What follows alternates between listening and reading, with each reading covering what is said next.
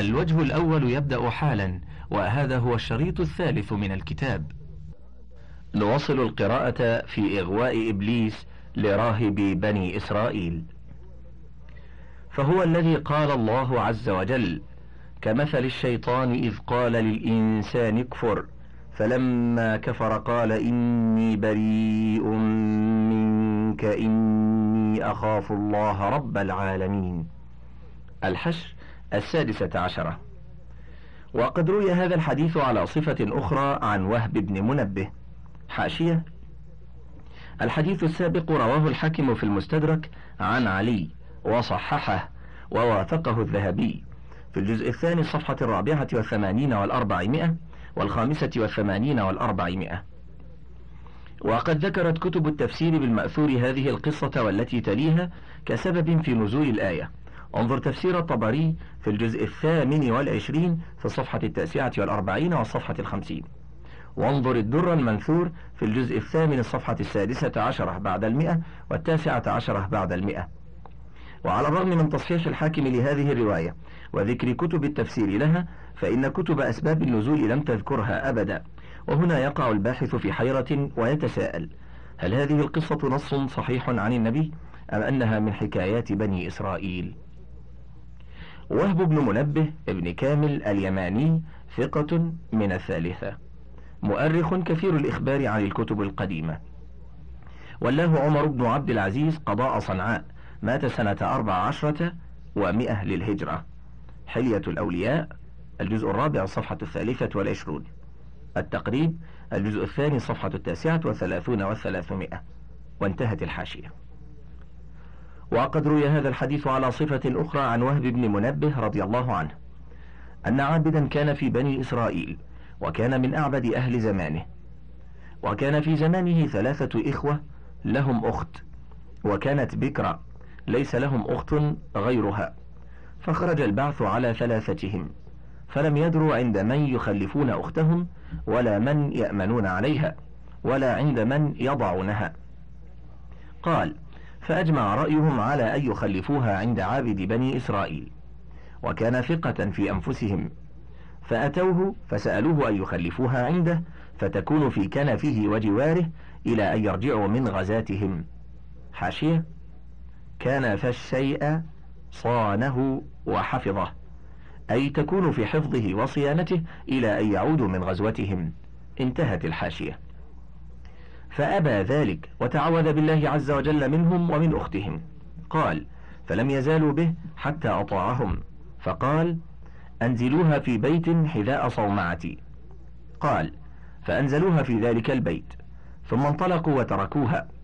فمكث في جوار ذا فمكثت في جوار ذلك العابد زمانا ينزل إليها بالطعام من صومعته فيضعه عند باب الصومعة ثم يغلق بابه ويصعد إلى صومعته ثم يأمرها فتخرج من بيتها فتأخذ ما وضع لها من الطعام.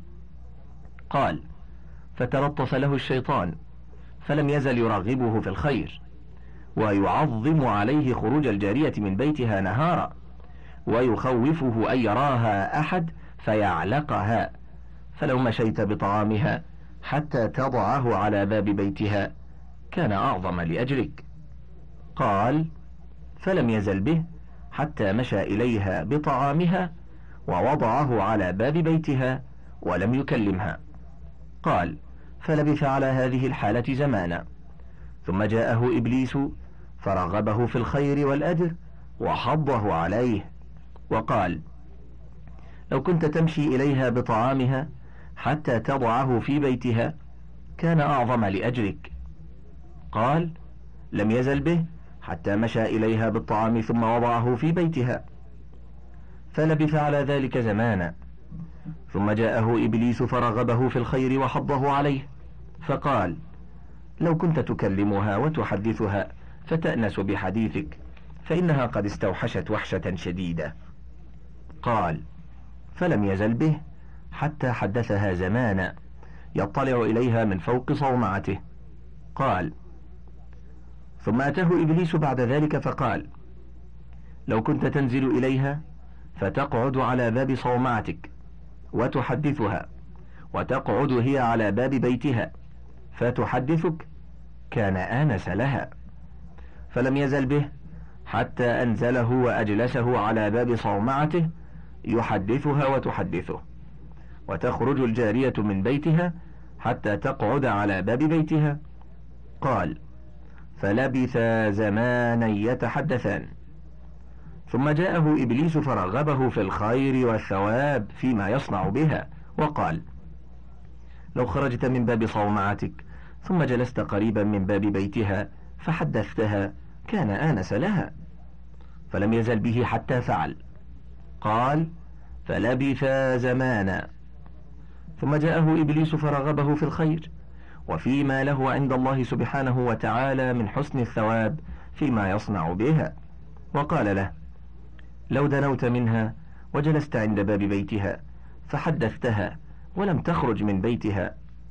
ففعل فكان ينزل من صومعته فيقف على باب بيتها فيحدثها. فلبث على ذلك حين ثم جاءه إبليس فقال لو دخلت البيت معها فحدثتها ولم تتركها تبرز وجهها لأحد كان أحسن بك. فلم يزل به حتى دخل البيت. فجعل يحدثها نهارها كله. فإذا مضى النهار صعد إلى صومعته. قال ثم أتاه إبليس. بعد ذلك فلم يزل يزينها له. حتى ضرب العابد على فخذها وقبلها. فلم يزل به إبليس يحسنها في عينه ويسول له حتى وقع عليها فأحبلها. فولدت له غلاما. فجاء إبليس فقال أرأيت إن جاء إخوة الجارية وقد ولدت منك كيف تصنع؟ لا آمن أن تفتضح أو يفضحوك؟ فاعمد إلى ابنها فاذبح وادفنه فإنها ستكتم ذلك عليك مخافة إخوتها أن يطلعوا على ما صنعت بها. ففعل. فقال له أتراها تكتم إخوتها ما صنعت بها وقتلت ابنها؟ قال خذها واذبحها وادفنها مع ابنها. فلم يزل به حتى ذبحها وألقاها في الحفرة مع ابنها وأطبق عليهما صخرة عظيمة وسوى عليهما وصعد إلى صومعته يتعبد فيها. فمكث بذلك ما شاء الله أن يمكث حتى أقبل إخوتها من الغزو. فجاءوا فسألوه عنها فنعاها لهم وترحم عليها وبكاها. وقال كانت خير امرأة وهذا قبرها فانظروا إليه. فأتى إخوتها القبر فبكوا أختهم وترحموا عليها فأقاموا على قبرها أياما ثم انصرفوا إلى أهاليهم فلما جن الليل عليهم وأخذوا مضاجعهم جاءهم الشيطان في النوم على صورة رجل مسافر فبدأ بأكبرهم فسأله عن أختهم فأخبره بقول العابد وموتها وترحمه عليها وكيف أراهم موضع قبرها. فكذبه الشيطان وقال لم يصدقكم أمر أختكم إنه قد أحبل أختكم وولدت منه غلاما فذبحه وذبحها معه فزعا منكم وألقاهما في حفيرة احتفرها خلف باب البيت الذي كانت فيه عن يمين من دخله. فانطلقوا فادخلوا البيت الذي كانت فيه عن يمين من دخله فإنكم ستجدونهما كما أخبرتكم هناك جميعا. وأتى الأوسط في منامه فقال له مثل ذلك. ثم أتى أصغرهم فقال له مثل ذلك. فلما استيقظ القوم أصبحوا متعجبين مما رأى كل واحد منهم. فأقبل بعضهم على بعض يقول كل واحد منهم لقد رأيت الليلة عجبا. فأخبر بعضهم بعضا بما رأى.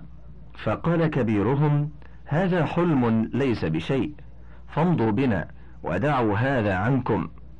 قال أصغرهم والله لا أمضي حتى آتي إلى هذا المكان فأنظر فيه.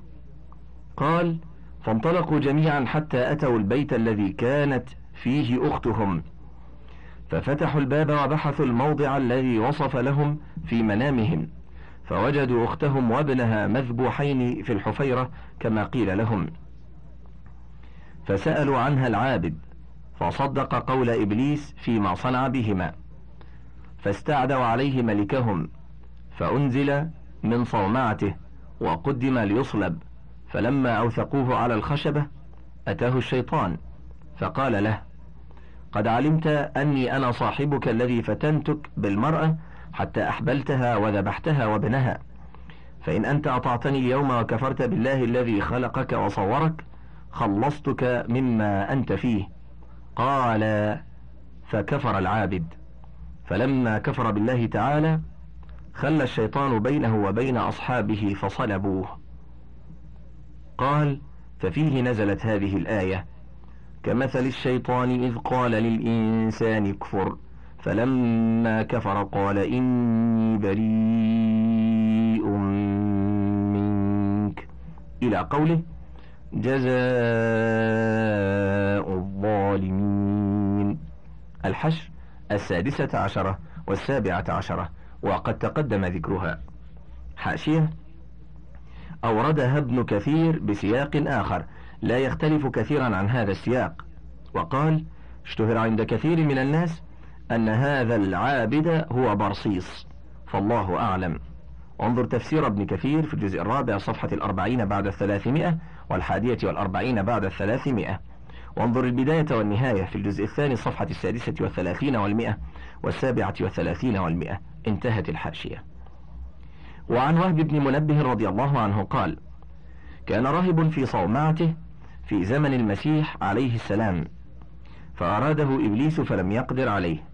فأتاه بكل رائدة فلم يقدر عليه فأتاه متشبها بالمسيح فناداه أيها الراهب أشرف علي أكلمك.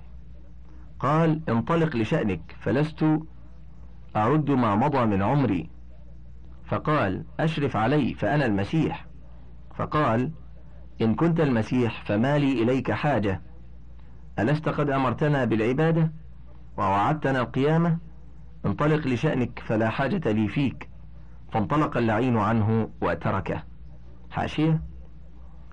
أتاه بكل رائدة أي استعمل معه كل حيلة فلم يفلح. وأبو نعيم روى ذلك في حلية الأولياء في الجزء الرابع الصفحة الرابعة والأربعين. انتهت الحاشية. وعن سالم بن عبد الله رضي الله عنه عن أبيه قال حاشية. سالم بن عبد الله بن عمر بن الخطاب. أحد الفقهاء السبعة وكان ثبتا عابدا فاضلا. كان يشبه بأبيه في الهدى والسمت. في الهدي والسمت مات في آخر سنة 106 على الصحيح. التقريب الجزء الأول الصفحة الثمانون بعد المئتين. انتهت الحاشية. عن سالم بن عبد الله رضي الله عنه عن أبيه. قال لما ركب نوح عليه السلام في السفينة رأى فيها شيخا لم يعرفه فقال له نوح ما أدخلك؟ قال دخلت لأصيب قلوب أصحابك فتكون قلوبهم معي وأبدانهم معك. فقال له نوح عليه السلام اخرج يا عدو الله. فقال إبليس خمس أهلك بهن الناس وسأحدثك منهن بثلاث ولا أحدثك باثنتين. فأوحى الله تبارك وتعالى إلى نوح عليه الصلاة والسلام أنه لا حاجة لك إلى الثلاث. مره يحدثك بالإثنتين. فقال بهما أهلك الناس وهما لا يكذبان الحسد والحرص. فبالحسد لعنت وجعلت شيطانا رجيما وبالحرص أبيح لآدم الجنة كلها فأصبت حاجتي منه فأخرج من الجنة. حاشية. الحسد أن تتمنى زوال نعمة أخيك وتكون لك وحدك. الحرص شدة الإرادة والشرة إلى المطلوب وهو نوعان نافع وهو الحرص على طاعة الله وفاجع وهو الحرص على الدنيا وانتهت الحاشية. قال ولقي إبليس موسى عليه السلام فقال يا موسى أنت الذي اصطفاك الله برسالته وكلمك تكليما وأنا من خلق الله تعالى أذنبت وأريد أن أتوب فاشفع لي إلى ربي عز وجل أن يتوب علي.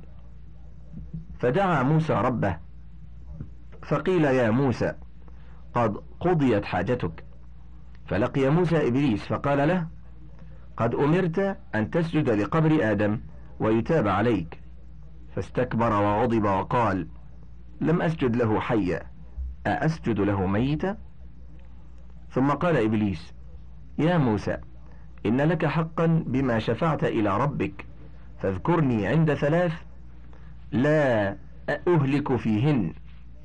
اذكرني حين تغضب فأنا وحي في قلبك وعيني في عينك وأجري منك مجرى الدم. واذكرني حين تلقى الزحف فإني آتي ابن آدم حين يلقى الزحف فأذكره ولده وزوجته وأهله حتى يولي. وإياك أن تجالس امرأة ليست بذات محرم فإني رسولها إليك ورسولك إليها. حاشية. الزحف لقاء العدو في المعركة وهو زاحف علينا. انتهت الحاشية. وعن سعيد بن المسيب رضي الله عنه قال حاشية.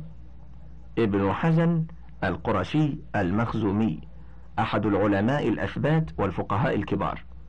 من كبار الثانية. اتفقوا على أن مرسلاته أصح المراسيل. مات بعد سنة تسعين من الهجرة. التقريب الجزء الأول الصفحة السادسة بعد الثلاثمائة. انتهت الحاشية. وعن سعيد بن المسيب رضي الله عنه قال ما بعث الله نبيا إلا لم يأمن إبليس أن يهلكه بالنساء. وعن فضيل بن عياض قال حدثني بعض أشياخنا أن إبليس لعنه الله جاء إلى موسى عليه الصلاة والسلام وهو يناجي ربه تعالى فقال له الملك ويلك ما ترجو منه وهو على هذه الحالة؟ يناجي ربه. قال أرجو منه ما رجوت من أبيه آدم وهو في الجنة وعن عبد الرحمن بن زياد رضي الله عنه قال حاشية عبد الرحمن بن زياد بن أنعم الإفريقي قاضيها ضعيف في حفظه من السابقين مات سنة ست وخمسين ومائة وقيل بعدها. التقريب الجزء الأول صفحة الثمانون بعد الأربعمائة. انتهت الحاشية. وعن عبد الرحمن بن زياد رضي الله عنه قال بينما موسى عليه السلام جالس في بعض مجالسه إذ أقبل إبليس عليه برنس له يتلون فيه ألوانا. حاشية البرنس كل ثوب رأسه منه ملتزق به. انتهت الحاشية. إذ أقبل إبليس عليه برنس يتلون فيه ألوانا. فلما دنا منه خلع البرنس فوضعه. ثم أتاه وقال له السلام عليك يا موسى. فقال له موسى عليه السلام من أنت؟ قال أنا إبليس. قال فلا حياك الله ما جاء بك. قال جئت لأسلم عليك لمنزلتك عند الله لمنزلتك عند الله تعالى ومكانك منه. قال فما الذي رأيته عليك؟ قال به أختطف قلوب بني آدم. قال فما الذي إذا صنعه الإنسان استحوذت عليه؟ قال إذا أعجبته نفسه واستكثر عمله ونسي ذنوبه وأحذرك ثلاثة. لا تخلون بامرأة لا تحل لك قط. فإنه ما خلا رجل بامرأة لا تحل له إلا كنت صاحبه دون أصحابي حتى أفتنه بها.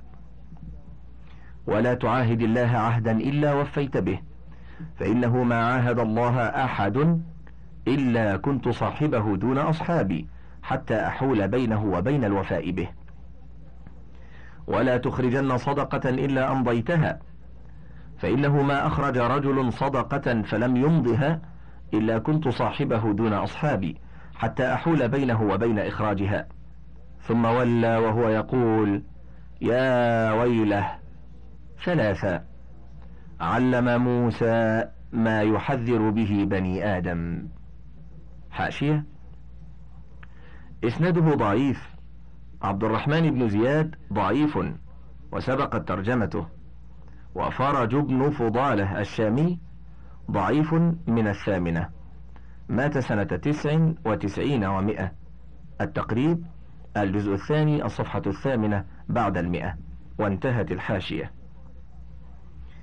وعن حسن بن صالح قال حاشية حسن بن صالح بن صالح الهمداني الثوري ثقة فقيه عابد رمي بالتشيع من السابقين مات سنة تسع وتسعين ومائة للهجرة. التقريب الجزء الأول الصفحة السابعة والستون والمئة انتهت الحاشية. وعن حسن بن صالح قال سمعت أن الشيطان قال للمرأة أنت نصف جندي وأنت سهمي الذي أرمي به فلا أخطئ وأنت موضع سري وأنت رسولي في حاجتي. وعن هشام بن يوسف ابن عقيل بن معقل بن أخي وهب بن منبه قال قال راهب للشيطان وقد بدا له أي أخلاق بني آدم أعون لك عليهم؟ قال الحدة. إن العبد إذا كان حديدا قلبناه كما يقلب الصبيان الكرة. حاشية. الحدة ما يعتري الإنسان من الغضب. انتهت الحاشية. وعن ثابت رضي الله عنه قال لما بعث النبي صلى الله عليه وسلم جعل إبليس لعنه الله يرسل شياطينه إلى أصحاب النبي صلى الله عليه وسلم فيجيئون إليه بصحفهم ليس فيها شيء. فيقول لهم ما لكم لا تصيبون منهم شيئا؟ فقالوا ما صحبنا قوما مثل هؤلاء. فقال رويدا بهم فعسى أن تفتح لهم الدنيا هنالك تصيبون حاجتكم منهم. حاشية إسناده صحيح.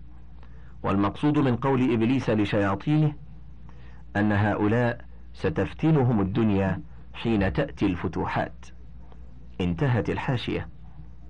وعن أبي موسى قال إذا أصبح إبليس بث جنوده في الأرض فيقول من أضل مسلما ألبسته التاج فيقول له القائل لم أزل بفلان حتى طلق امرأته قال يوشك أن يتزوج ويقول آخر لم أزل بفلان حتى عق قال يوشك أن يبر. ويقول آخر لم أزل بفلان حتى زنى. قال أنت. ويقول آخر لم أزل بفلان حتى شرب الخمر. قال أنت. قال ويقول آخر لم أزل بفلان حتى قتل. فيقول أنت أنت. حاشية. بث أي فرق ونشر جنوده في الأرض. هذا الحديث إسناده ضعيف فيه عطاء بن السائب وقد سبق الحديث عنه. انتهت الحاشية. وعن الحسن قال حاشية الحسن بن أبي الحسن البصري الأنصاري مولاهم ثقة فقيه فاضل مشهور وكان يرسل كثيرا ويدلس وهو رأس أهل الطبقة الثالثة مات سنة عشر ومائة للهجرة. التقريب الجزء الأول الصفحة الخامسة والستون والمئة انتهت الحاشية. وعن الحسن قال كانت شجرة تعبد من دون الله فجاء إليها رجل فقال لأقطعن هذه الشجرة. فجاء ليقطعها غضبا لله فلقيه إبليس في صورة إنسان. فقال ما تريد؟ قال أريد أن أقطع هذه الشجرة التي تعبد من دون الله. قال إذا أنت لم تعبدها فما يضرك من عبدها؟ قال لأقطعنها فقال له الشيطان هل لك فيما هو خير لك؟ لا تقطعها ولك ديناران كل يوم إذا أصبحت عند وسادتك. قال فمن أين لي ذلك؟ قال أنا لك. فرجع فأصبح فوجد دينارين عند وسادته. ثم أصبح بعد ذلك فلم يجد شيئا فقام غضبا ليقطعها. فتمثل له الشيطان في صورته وقال ما تريد؟ قال أريد قطع هذه الشجرة التي تعبد من دون الله تعالى. قال كذبت ما لك إلى ذلك من سبيل؟ فذهب ليقطعها فضرب به الأرض وخنقه حتى كاد يقتله. قال أتدري من أنا؟ أنا الشيطان. جئت أول مرة غضب فلم يكن لي عليك سبيل فخدعتك بالدينارين فتركتها. فلما جئت غضبا للدينارين سلطت عليك. وعن زيد بن مجاهد قال لإبليس خمسة من ولده. قد جعل كل واحد منهم على شيء من أمره ثم سماهم فذكر ثبر والأعور ومسوط وداسم وزكنبور. فأما ثبر فهو صاحب المصيبات الذي يأمر بالثبور وشق الجيوب ولطم الخدود ودعوى الجاهلية. وأما الأعور فهو صاحب الزنا الذي يأمر به ويزينه. وأما مسوط فهو صاحب الكذب الذي يسمع فيلقى الرجل فيخبره بالخبر فيذهب الرجل إلى القوم فيقول لهم قد رأيت رجلا أعرف وجهه ولا أدري ما اسمه حدثني بكذا وكذا. وأما داسم فهو الذي يدخل مع الرجل إلى أهله يريه العيب فيهم ويغضبه عليهم. وأما زكنبور فهو صاحب السوق الذي يركز رايته في السوق. حاشية. إسناده ضعيف. بشر بن الوليد الكندي أبو عبد الله مجهول. من الثامنة. ومحمد بن طلحة التيمي لا يعرف حاله. من السابعة التقريب الجزء الأول الصفحة الثانية بعد المئة والجزء الثاني الثالثة والسبعون والمئة. انتهت الحاشية. وعن مخلد بن الحسين قال ما ندب الله العباد إلى شيء إلا اعترض فيه إبليس بأمرين ما يبالي بأيهما ظفر. إما غلو فيه وإما تقصير عنه. وعن عبد الله بن عمر قال إن إبليس موثق في الأرض السفلى. حاشية. روى الحديث السابق أبو نعيم في الحلية. في الجزء الثامن الصفحة السادسة والستين بعد المئتين. وفي إسناده سنيد ابن داود المصيص المحتسب واسمه حسين. ضعيف مع إمامته ومعرفته. من العاشرة. التقريب الجزء الأول الصفحة الخامسة والثلاثون والثلاثمائة. وانتهت الحاشية. وعن عبد الله بن عمر قال إن إبليس موثق في الأرض السفلى فإذا هو تحرك كان كل شر في الأرض بين اثنين فصاعدا من تحركه. حاشية. في إسناده ابن لهيعة صدوق من السابعة اختلط بعد احتراق كتبه. ورواية ابن المبارك وابن وهب عنه أعدل من غيرهما. وله في مسلم بعض شيء مقرون. مات سنة أربع وسبعين ومائة. التقريب الجزء الأول صفحة الرابعة والأربعون والأربعمائة. الضعفاء والمتروكون الصفحة الثانية والثلاثون بعد الثلاثمائة. الضعفاء الكبير السابعة والستون والثمانمائة. انتهت الحاشية.